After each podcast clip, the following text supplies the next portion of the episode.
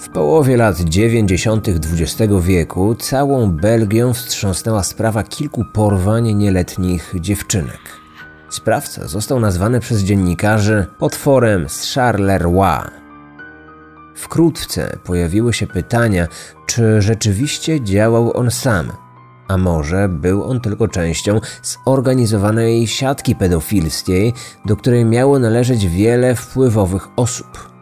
Choć od tych wydarzeń minęło już wiele czasu, podobne wątpliwości nigdy nie zniknęły. Kryminatorium. Otwieramy akta tajemnic.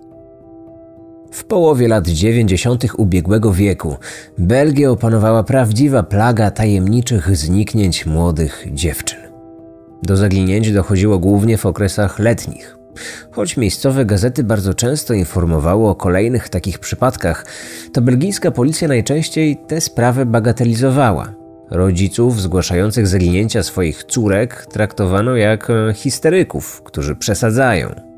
Policjanci, choć przyjmowali takie zawiadomienia, to od samego początku starali się przekonać zrozpaczonych opiekunów, że to właściwie nic takiego.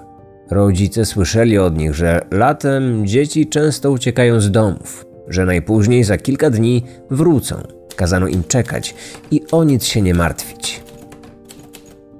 Przez pierwsze dwie doby od zgłoszenia zaginięcia nie podejmowano zwykle żadnych kroków. Tymczasem policyjne statystyki mówiły jasno, że w przypadku zaginięć dzieci najważniejsze są właśnie pierwsze godziny. Wynikało z nich, że na dziesięcioro porwanych dzieci aż dziewięcioro umierało w ciągu pierwszej doby po uprowadzeniu. Najpierw trzeba było jednak przekonać belgijskich funkcjonariuszy, że faktycznie doszło do porwania. Wielki kłopot miał z tym ojciec 17-letniej Anne Marshall. Jego córka kilka dni wcześniej wyjechała na wakacje do Ostendy razem z kilkoma swoimi przyjaciółkami. Rankiem 23 sierpnia 1995 roku pan Marshall odebrał telefon od jednej z nich. Dziewczyna informowała, że córka pana Marszala poprzedniego wieczoru wybrała się na spektakl. Towarzyszyła jej 19-letnia Effie. Od tamtej pory nikt ich nie widział. Mężczyzna był przerażony, ponieważ od samego początku e, nie popierał tego wyjazdu. Dał się jednak przekonać swojej żonie. Kobieta uważała, że ich córka jest już prawie dorosła, więc no, powinni jej zaufać. Jeszcze tego samego dnia e, pan marszał zawiadomił policję o zaginięciu córki i jej przyjaciółki. Jednak zamiast spodziewanej pomocy policjantów, spotkał się z ich strony z nieukrywanym brakiem zainteresowania całą sprawą. Usłyszał, aby nie panikować, bo dziewczyny na pewno wyruszyły na poszukiwanie przygód. Zasugerowano, że jeżeli im się to znudzi, to same wrócą do domu. Byłem przerażony ich obojętnością. Zapytałem policjantów, co mają zamiar z tym zrobić. W odpowiedzi usłyszałem, że takie zniknięcia to nic szczególnego, bo dziewczyny w tym wieku lubią zaszaleć. Byłem w szoku. Do tej pory byłem przekonany, że policja jest od tego, żeby dbać o nasze bezpieczeństwo. Ojciec rozpoczął więc poszukiwania na własną rękę. Razem z żoną oraz rodzicami tej drugiej zaginionej dziewczyny pojechali w miejsce, gdzie ich córki były widziane po raz ostatni. Tam rozwieszali plakaty, pytali przechodniów, e, zaglądali w każdą możliwą dziurę. I wszystko na nic.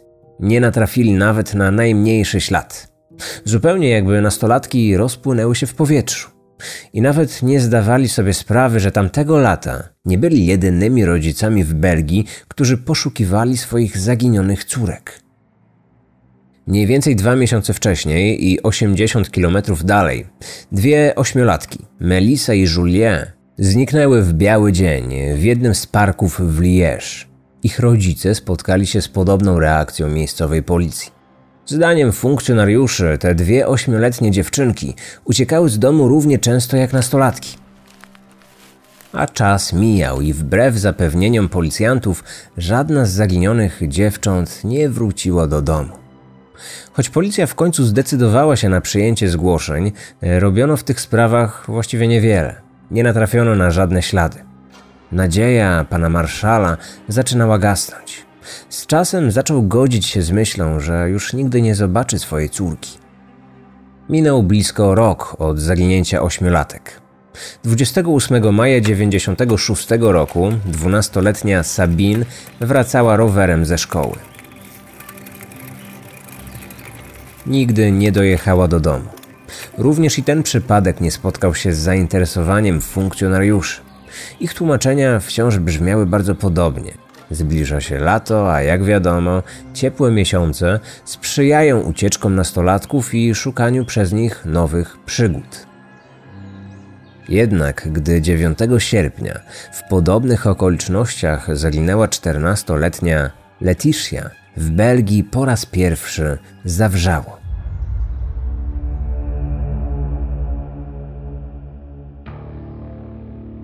Ciągu kilkunastu miesięcy w tak niewielkim kraju zniknęło co najmniej sześć dziewczynek. Tą tajemniczą serią zainteresowało się wielu belgijskich dziennikarzy. Ich własne śledztwa wskazywały nawet, że podobnych przypadków było znacznie więcej. W tym czasie gazety zaczęły przypominać swoim czytelnikom o niewyjaśnionych zaginięciach sprzed roku. Opinia publiczna po raz pierwszy wyraziła swoje społeczne niezadowolenie związane z pracą policji. Domagano się wyjaśnień i konkretnych wyników prowadzonych śledztw. W odpowiedzi na rosnące oburzenie zwykłych Belgów, władze powołały specjalny wydział, który od tamtego momentu miał się zajmować wyłącznie zgłaszanymi zaginięciami dzieci. Policjanci wchodzący w jego skład zaczęli porównywać ze sobą poprzednie zaginięcia.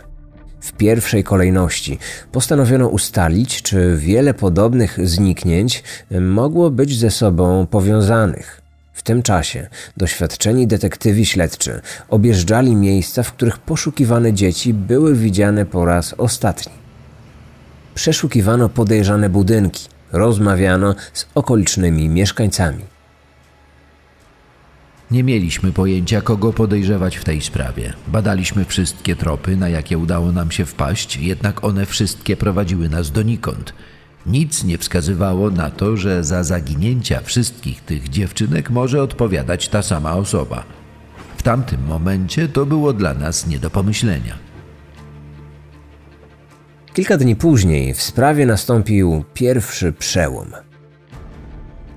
Jeden z mieszkańców wsi, w której zniknęła czternastolatka, opowiedział policjantom o pojawieniu się we wsi tamtego dnia białej furgonetki Renault Traffic.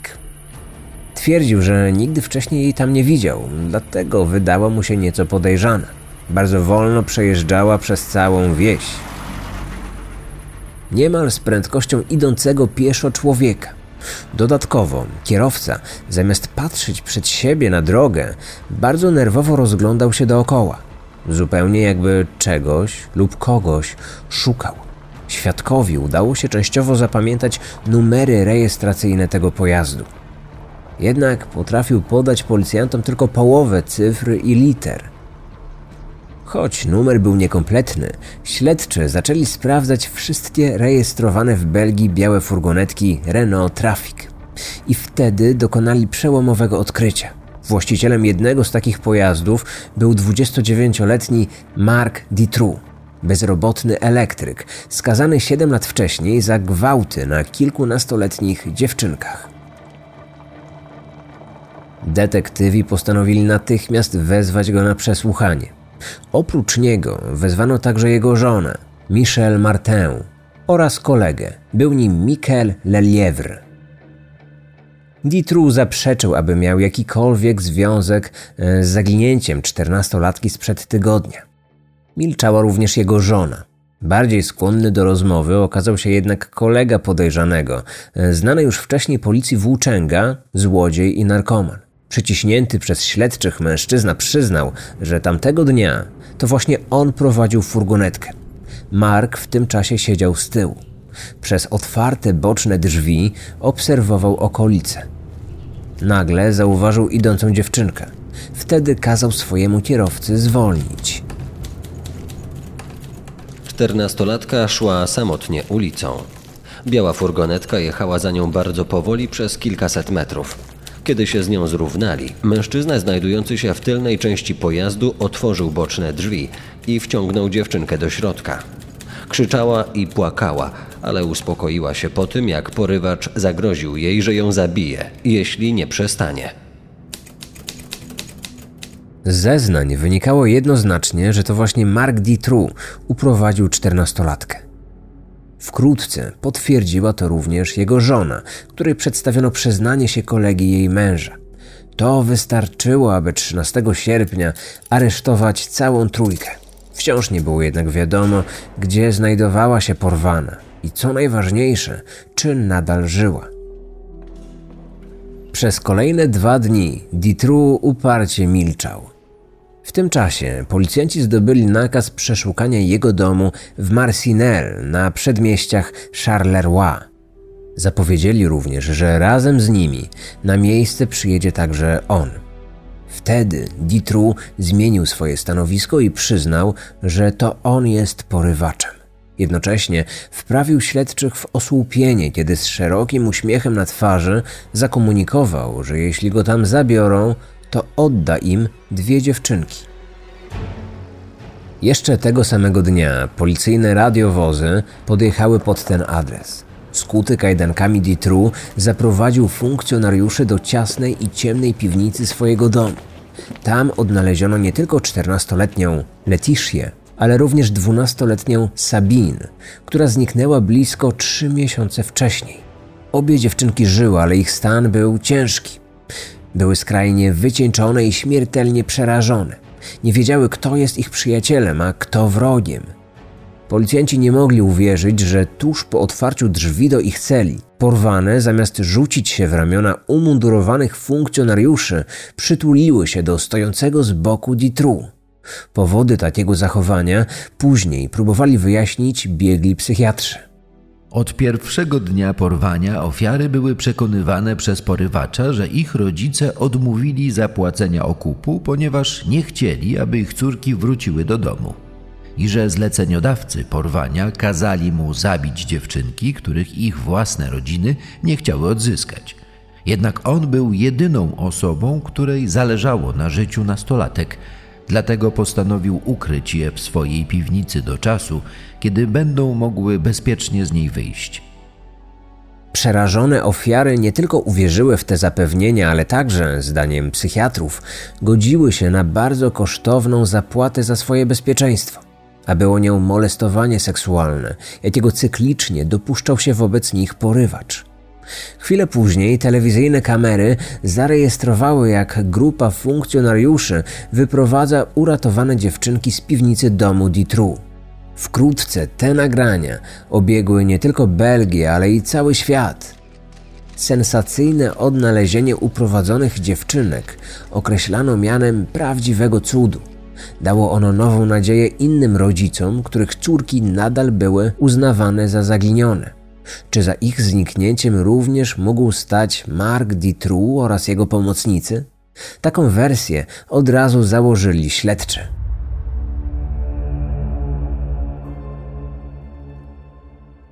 Kolejne przesłuchania potwora z Charleroi, jak wkrótce zaczęła go określać belgijska prasa, sprawiły jednak, że dotychczasowa nadzieja zmieniała się w nieopisaną rozpacz i ból. Okazało się, że pozostałe porwane nie miały tyle szczęścia co dwie uwolnione nastolatki. Ditru przyznał, że te dziewczynki już dawno nie żyją. Wskazał też miejsce ukrycia ich ciał. Dopiero wtedy wyszło na jaw, że Ditru był właścicielem kilku domów i pod każdym z nich własnoręcznie wybudował piwnicę. To było więzienie dla porwanych przez niego dzieci. Zwłoki ośmioletniej Melisy, jej rówieśniczki Julie, które zniknęły razem w czerwcu 95 roku, odkryto w ogrodzie wiejskiej posiadłości. Prawdziwa przyczyna ich śmierci wstrząsnęła nawet najbardziej doświadczonymi policjantami. Porywacz otwarcie opowiedział śledczym o tym, że obie zmarły z głodu na przełomie lutego i marca, gdy on sam został aresztowany na trzy miesiące za kradzież kilku samochodów. Gdy go w końcu wypuszczono, obie były już martwe. Odpowiedzialna za karmienie porwanych dziewczynek miała być jego żona, ale zdaniem porywacza kobieta nie robiła tego, ponieważ bała się zejść do piwnicy. Po tym makabrycznym odkryciu okazało się, że dziewczynki można było uratować. Po aresztowaniu Ditru w grudniu 1995 roku jeden z policjantów prowadzących śledztwo w sprawie kradzionych aut został wysłany pod ten adres w celu dokonania przeszukania domu. Towarzyszył mu współpracujący z policją ślusarz. I to właśnie on, będąc wewnątrz domu, usłyszał stłumiony odgłos przypominający dziecięcy płacz. Dochodził spod podłogi. Zwrócił na to uwagę policjanta, który był skupiony na przeszukiwaniu szuflad i szafek. Funkcjonariusz stwierdził, że niczego podejrzanego nie słyszy i że to na pewno jakieś dzieci bawiące się na podwórku w sąsiednich domach. Ślusarz nalegał, ale policjant uznał, że mężczyzna przeszkadza mu w wykonywaniu obowiązków. Zdenerwował się do tego stopnia, że w końcu zaczął krzyczeć na ślusarza. Mówił, że to on jest tutaj policjantem, a nie człowiek od otwierania zamków w drzwiach. Makabryczne odkrycie ciał ośmiolatek było szokiem. Cała Belgia utonęła we łzach. Ludzie nie potrafili zrozumieć, jak to możliwe, że policja nie potrafiła uratować tych dziewczynek.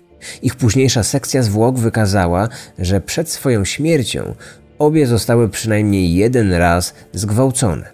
Dwa tygodnie później krajem wstrząsnęło kolejne odkrycie, równie przerażające jak poprzednie. Ditru ujawnił policji miejsce, gdzie zakopał dwie inne porwane dziewczynki. 17-letnia Anne i 19-letnia Effie zaginione latem 95 roku. Według porywacza Obie przed śmiercią zostały odurzone narkotykami. Gdy je zakopywał, wciąż żyły. Potwierdziły to późniejsze badania zwłok.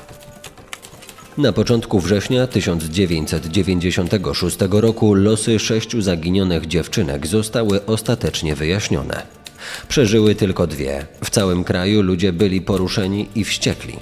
Wśród społeczeństwa zapanowała psychoza strachu. Rodzice nie pozwalali swoim dzieciom wychodzić z domu. Szkolne bramy były pilnowane przez strażników. Ditru został poddany badaniom psychiatrycznym. Eksperci szybko ustalili, że nie był on wyłącznie pedofilem. Zdaniem lekarzy miał on również osobowość psychopatyczną. Uwielbiał krzywdzić ludzi, zarówno fizycznie, jak i psychicznie. Przyjemność sprawiało mu manipulowanie nie tylko swoimi ofiarami, ale także osobami, które pomagały mu w popełnianiu przestępstw.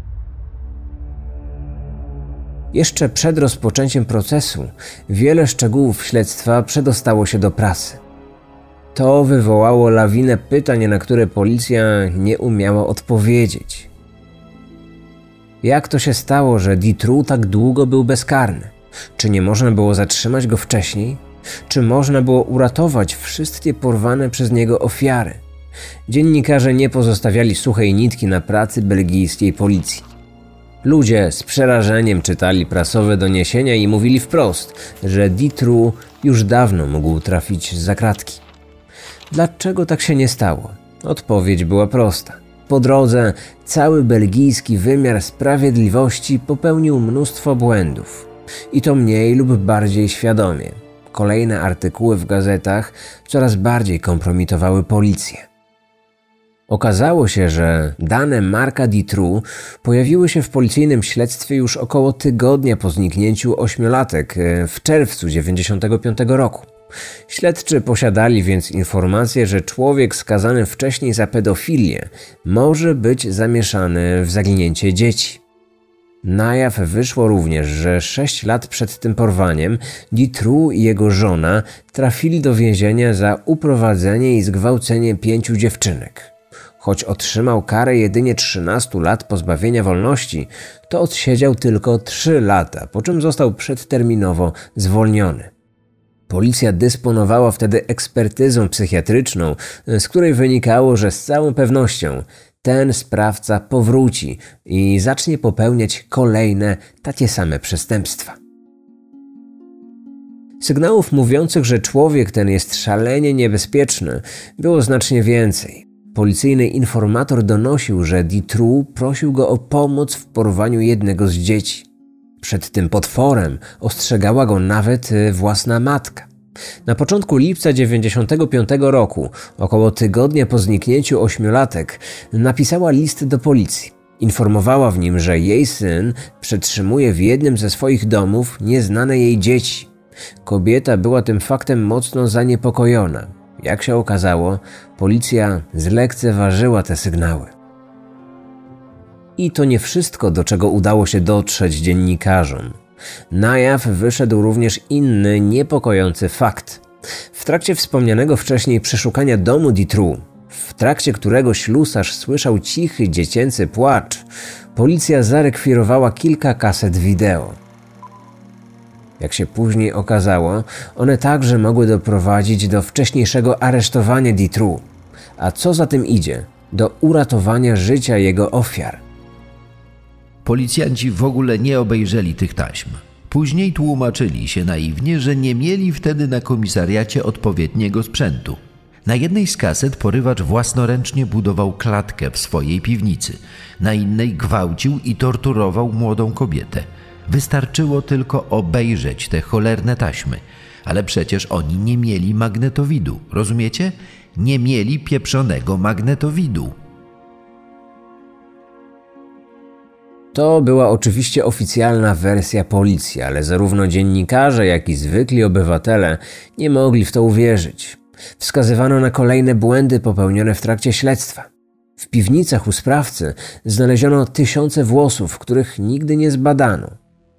Tajni współpracownicy belgijskiej policji informowali, że swoje przestępstwa popełnia on także na terenie Czech i Słowacji. Wspominali o kradzieży samochodów oraz o zmuszaniu tamtejszych kobiet do prostytucji. Co prawda zbadano ten trop i wysłano do tych krajów specjalnych śledczych, ale szybko wrócili oni bez jakichkolwiek dowodów. Oliwy do ognia dolało kontrowersyjne oświadczenie aresztowanego.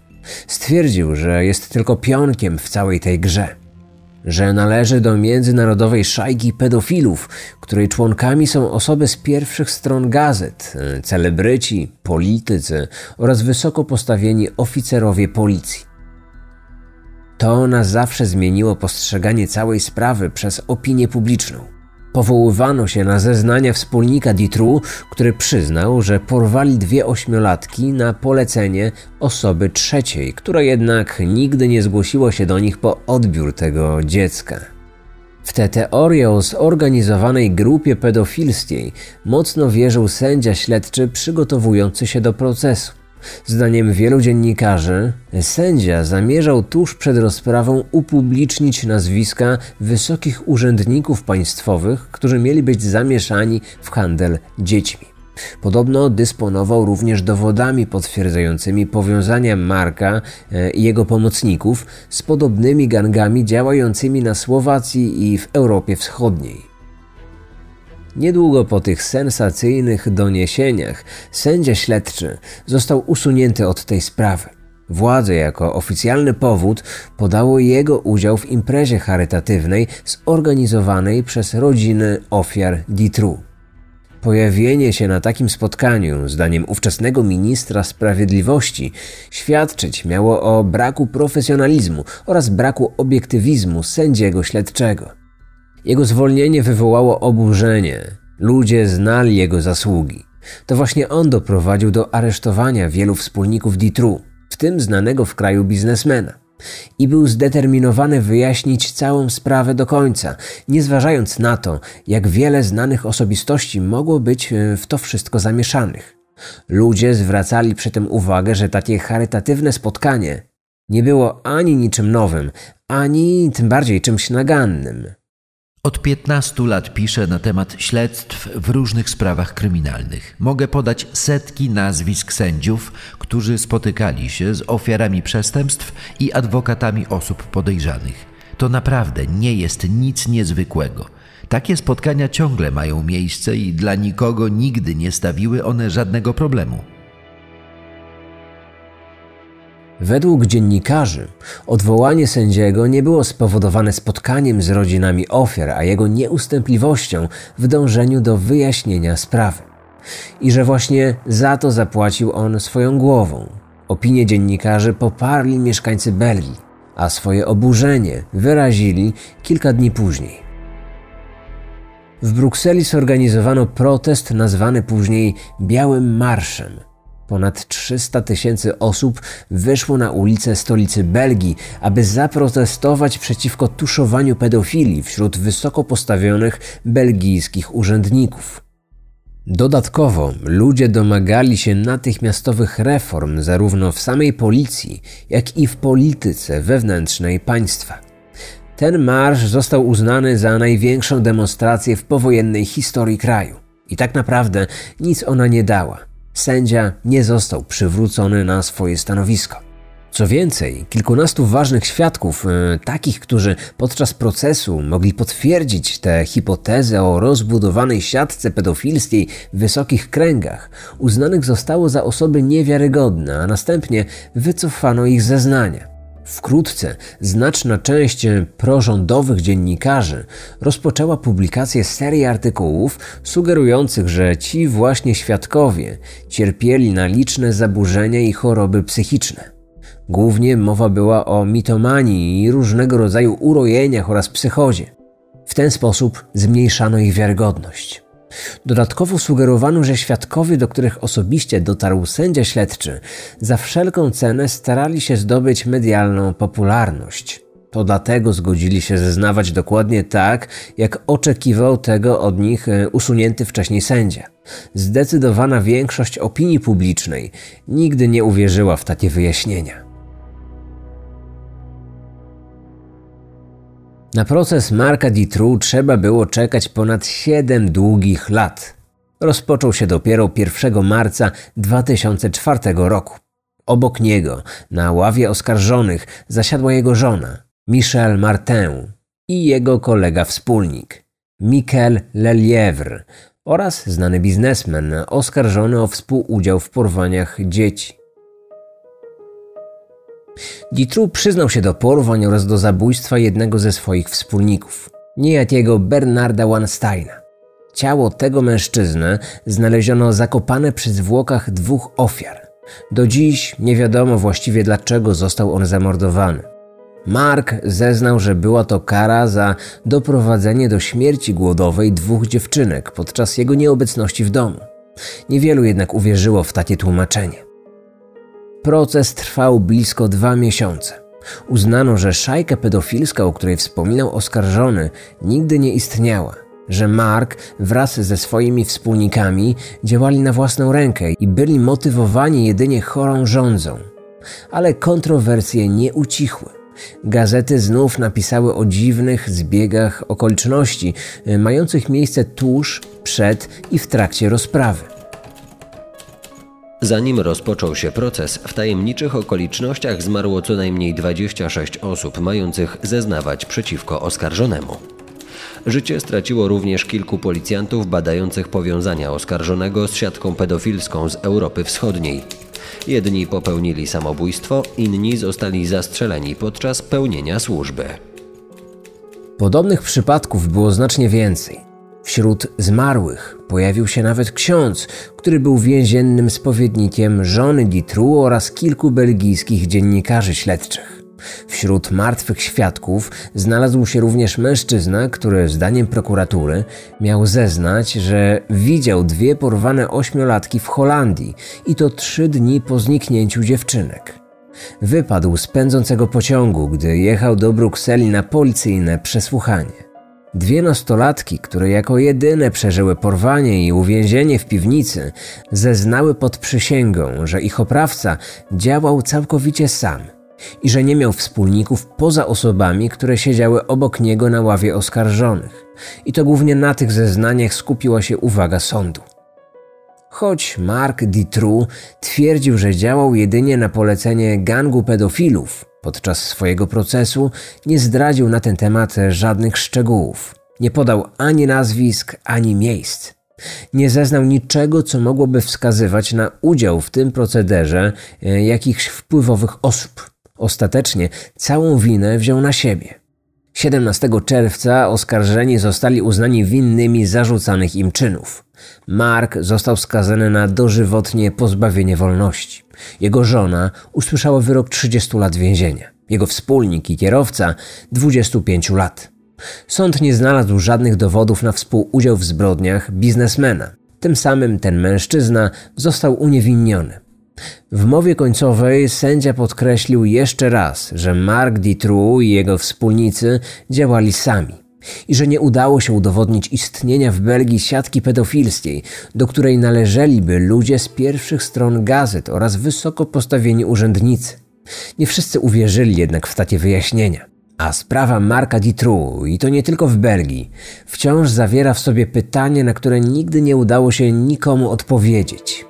I nadal wielu belgijskich dziennikarzy śledczych wierzy, że istnieje w tym kraju wpływowa grupa osób, których jedynym zadaniem jest pilnować, aby cała prawda o tej sprawie nigdy nie ujrzała światła dziennego.